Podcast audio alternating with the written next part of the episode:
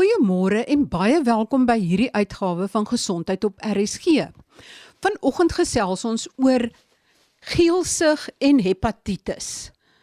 En dit is nou aanleiding van die gesprekke die afgelope 2 weke oor leweroorplantings.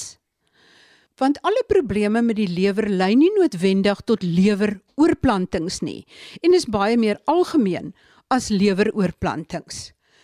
Maar as dinge skeefloop met die lewer en dit word nie behandel of voorkom nie, kan dit wel tot erge lewerversaking lei en dan is 'n leweroorplanting dikwels die enigste uitweg.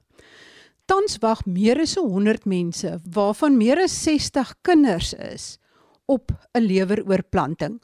Al word daar in baie gevalle leweroorplantings van 'n lewende skenker byvoorbeeld 'n ma wat 'n stukkie van haar lewer aan haar baba skenk, wel gedoen. Maar vandag fokus ons op geelsig en hepatitis. My gas vandag is Dr. Jacques Badenhorst. Hy's 'n gastro-enteroloog by die Christian Barnard Gedenkhospitaal in Kaapstad se middestad. Dr. Badenhorst, ek verstaan hepatitis of lewerontsteking is eintlik 'n oorkoepelende siekte en dat daar eintlik verskillende oorsake is. Kan jy vir ons vertel wat is hepatitis en wat is die oorsake daarvan? So jy is heeltemal reg, so hepatitis is 'n beskrywing wat eintlik maar net beteken inflammasie van die lewer. En dit kan natuurlik baie ernstig wees. So daar's verskeie oorsake daarvoor. Ek dink as meeste mense dink aan hepatitis, dan dink hulle aan virusinfeksies, so of dan natuurlik alkoholiese hepatitis, so wat mense wat oormatig alkohol gebruik kan kry. Maar die woordjie hepatitis kom in beide gevalle voor en en dis maar net 'n beskrywing om te sê daar's inflammasie in die lewer en as gevolg van die inflammasie kan bloedtoetse op 'n sekere manier geïnterpreteer word en mense kan geelsigtig word van byvoorbeeld al is daar verskeie oorsake. Nou, kom ons praat oor die oorsake daarvan.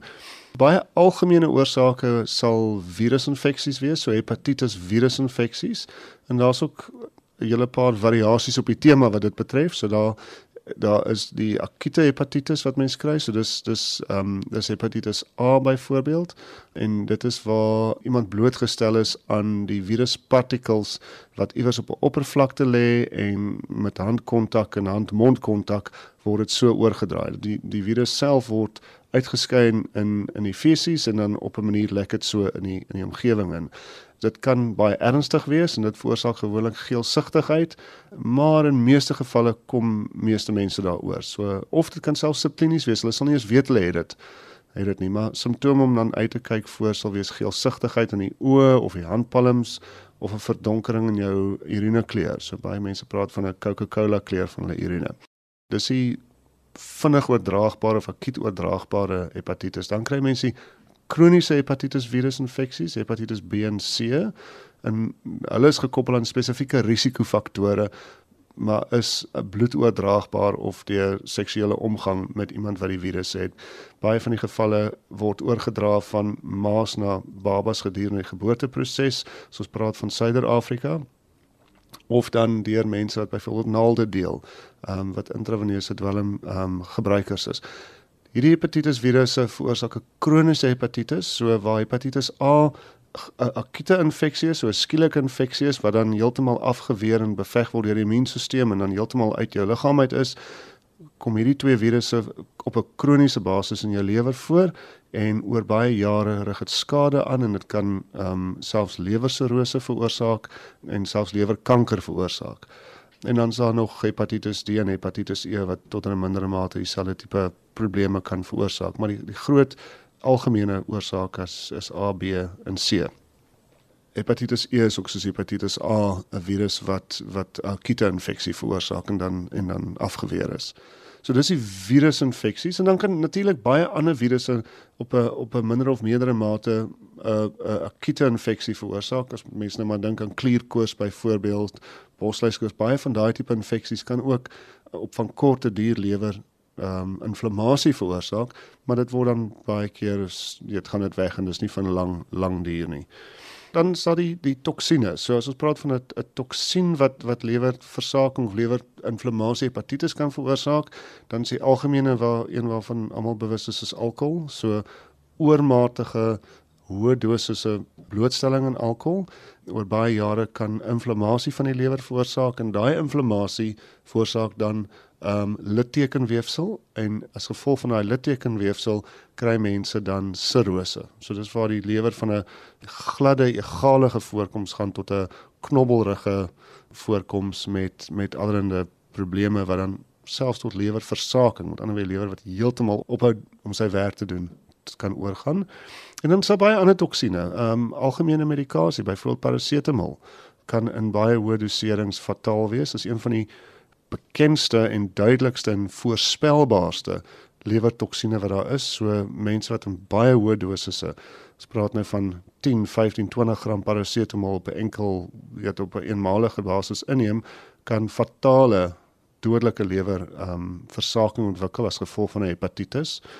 Ehm um, en dan is daar meer onvoorspelbare medikasies en daar kan basies enige medikasie waarna mens blootgestel is kan tot 'n geringe mate inflammasie veroorsaak.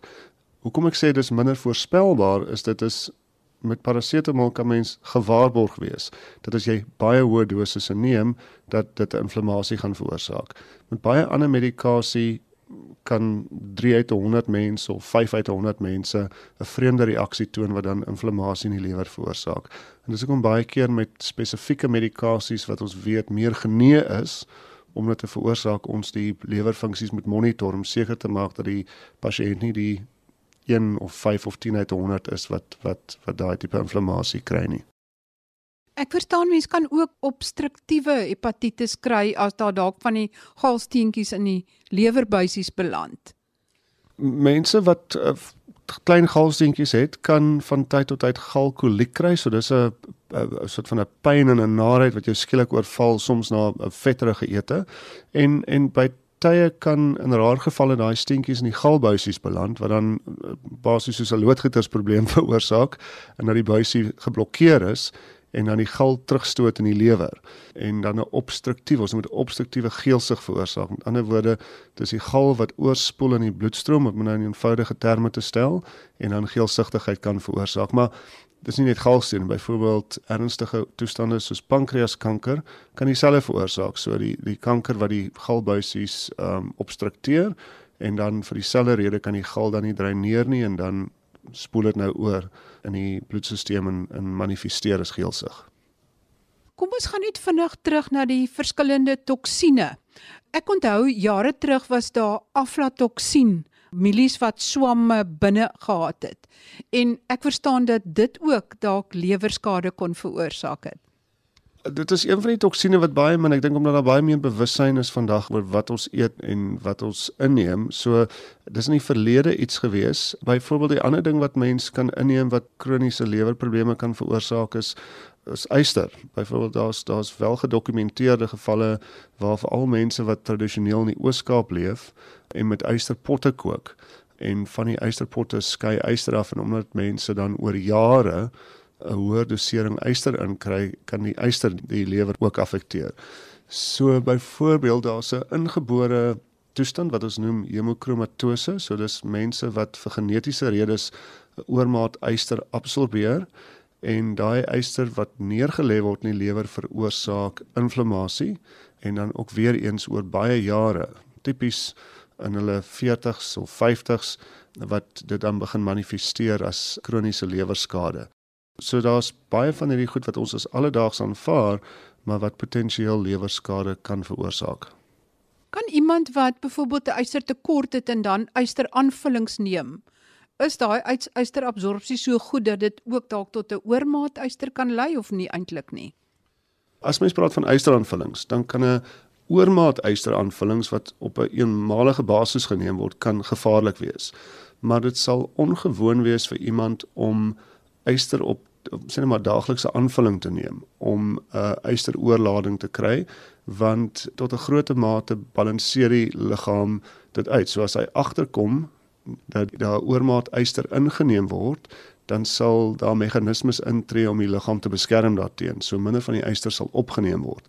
Want nou ons het nou van mense gepraat wat 'n genetiese onvermoë het om daai noem dit nou maar beskermingsmeganisme te hê. So baie mense wat op ysteraanvullings is omdat hulle ystergebrekkig is, is is dit veilig. Ehm um, ek moet miskien beamoen dat dit belangrik is om ysteraanvullings te neem omdat daar ystergebrek is en nie net omdat iemand beter wil voel nie. So uh ystergebrek word met ysteraanvullings behandel, maar dan sit iets wat spesifiek gediagnoseer moet word en nie net ter wille van algemene nee beter voel nie, want daar's baie yster in ons te eet.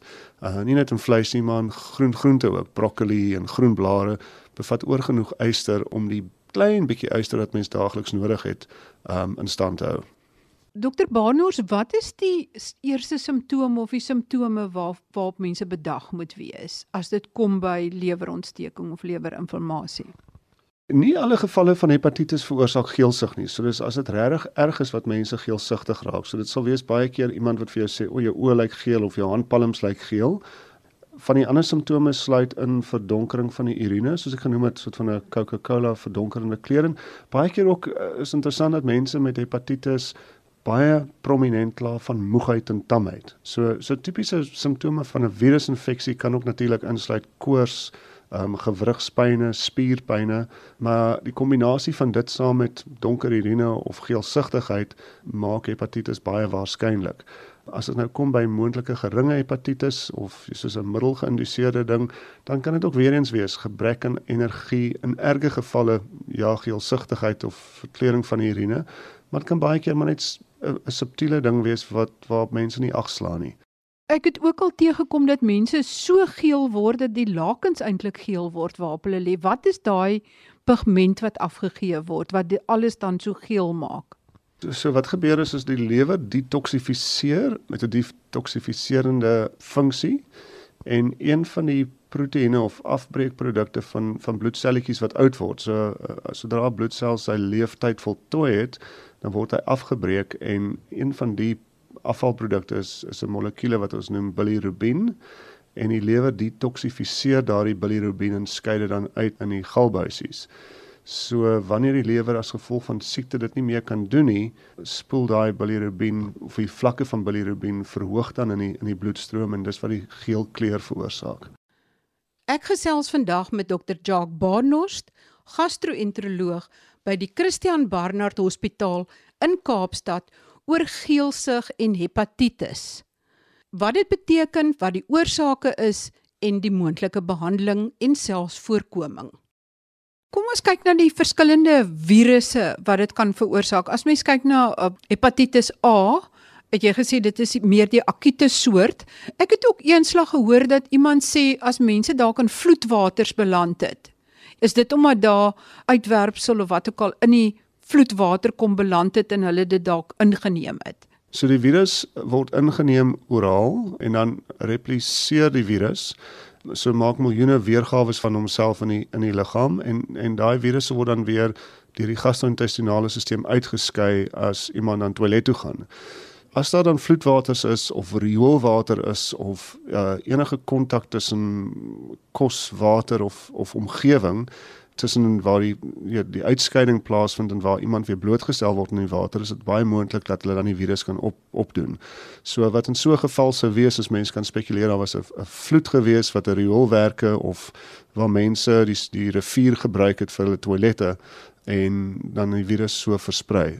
So een van die belangrikste goed wat mens kan doen is is jou hande was. So omdat dit jou hand na mond oor verspreiding plaasvind, is dit baie belangrik dat mens kyk, jy sê maar reg na water, ja waar jou water vandaan kom of dat kos wat jy eet gewas is, behoorlik gewas is of dat jy ook jou self beskerm deur deur jou hande gereeld te was as jy in so 'n tipe omgewing is.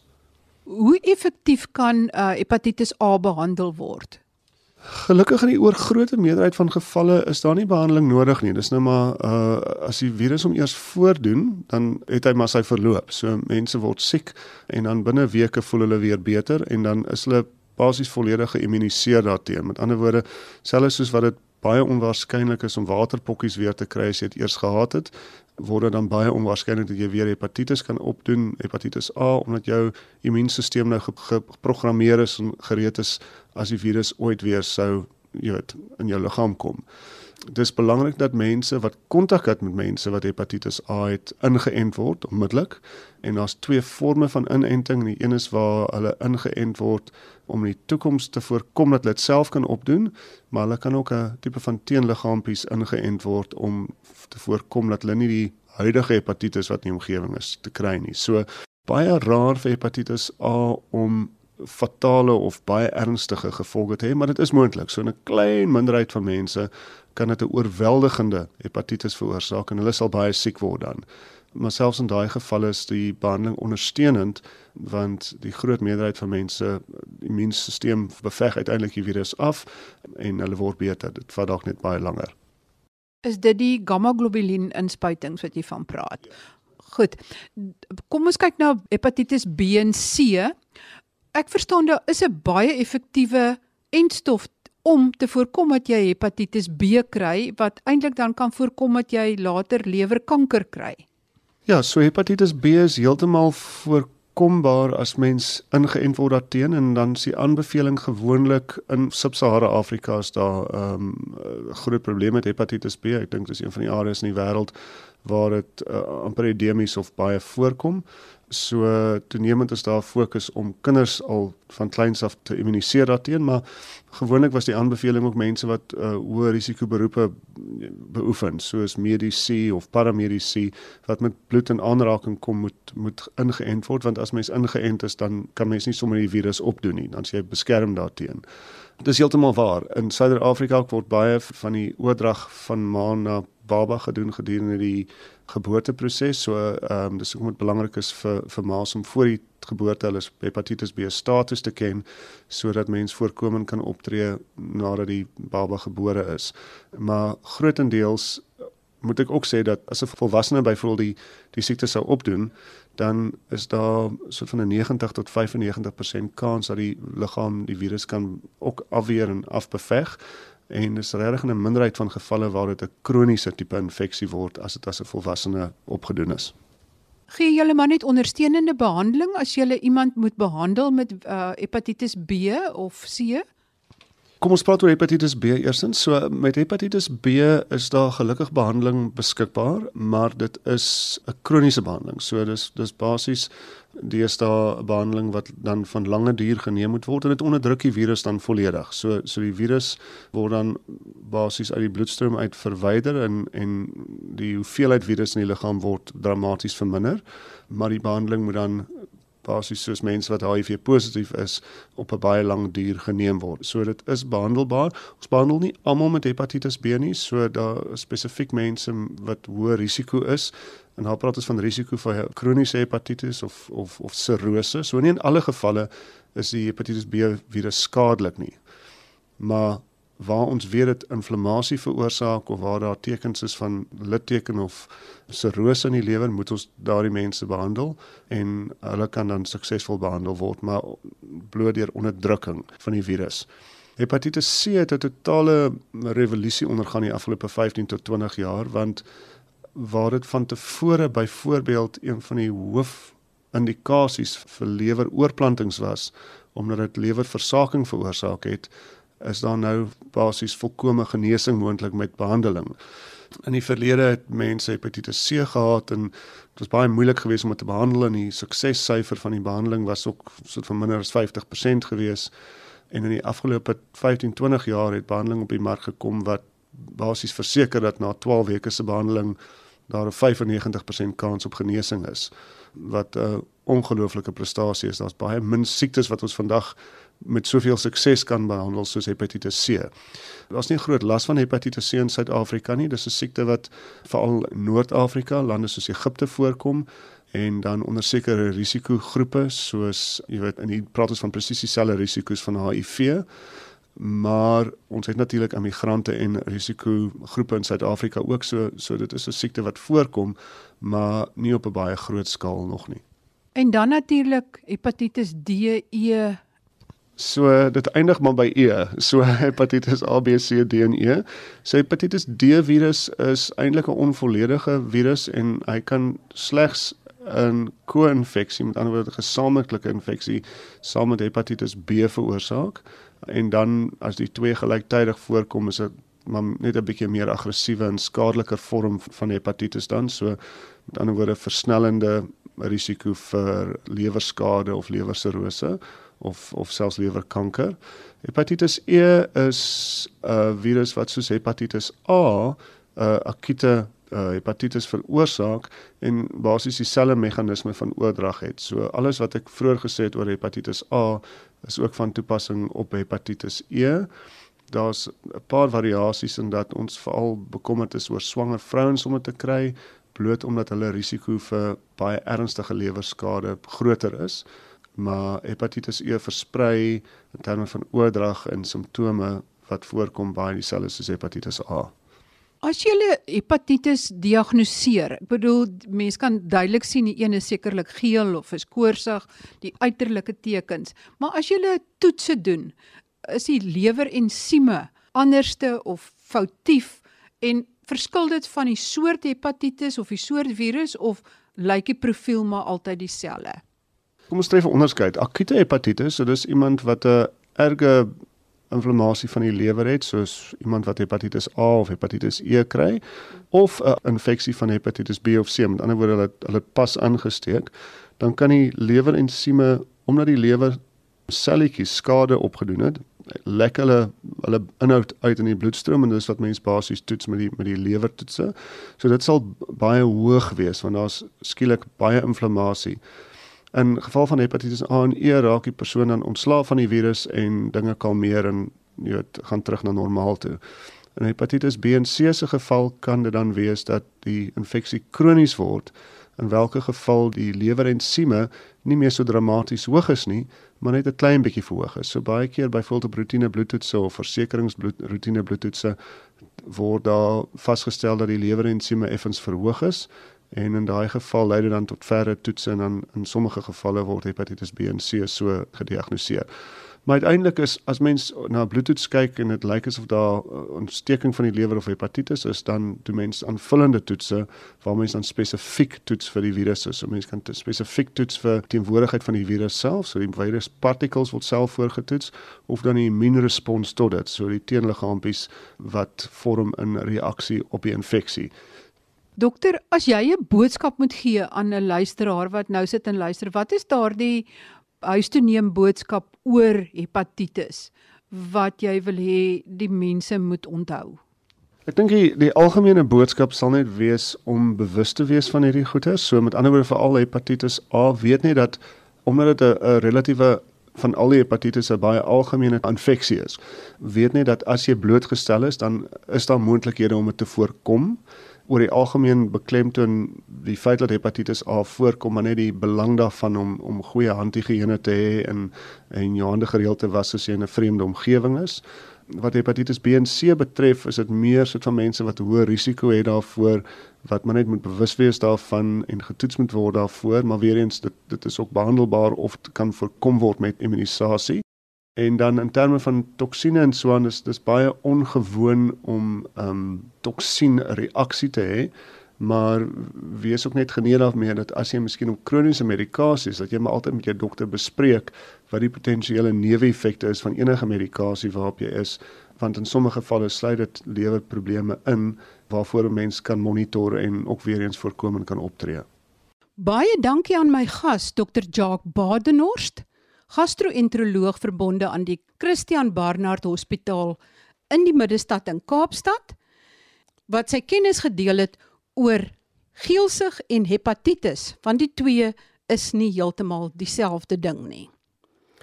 Op my lysie van toekomstige onderwerpe wat bespreek gaan word is fatty liver disease, pankreatitis en pankreaskanker en waarom dit aan die toeneem is soos ook fatty liver disease Dan gaan ons ook kyk na die dieet gummies wat Oprah Winfrey ondersteun. En dan gaan ons ook kyk na masels en kolera omdat daar vrese is vir uitbreiding van die uitbreking van masels en dat daar ook nou meer gevalle van kolera aangemeld word.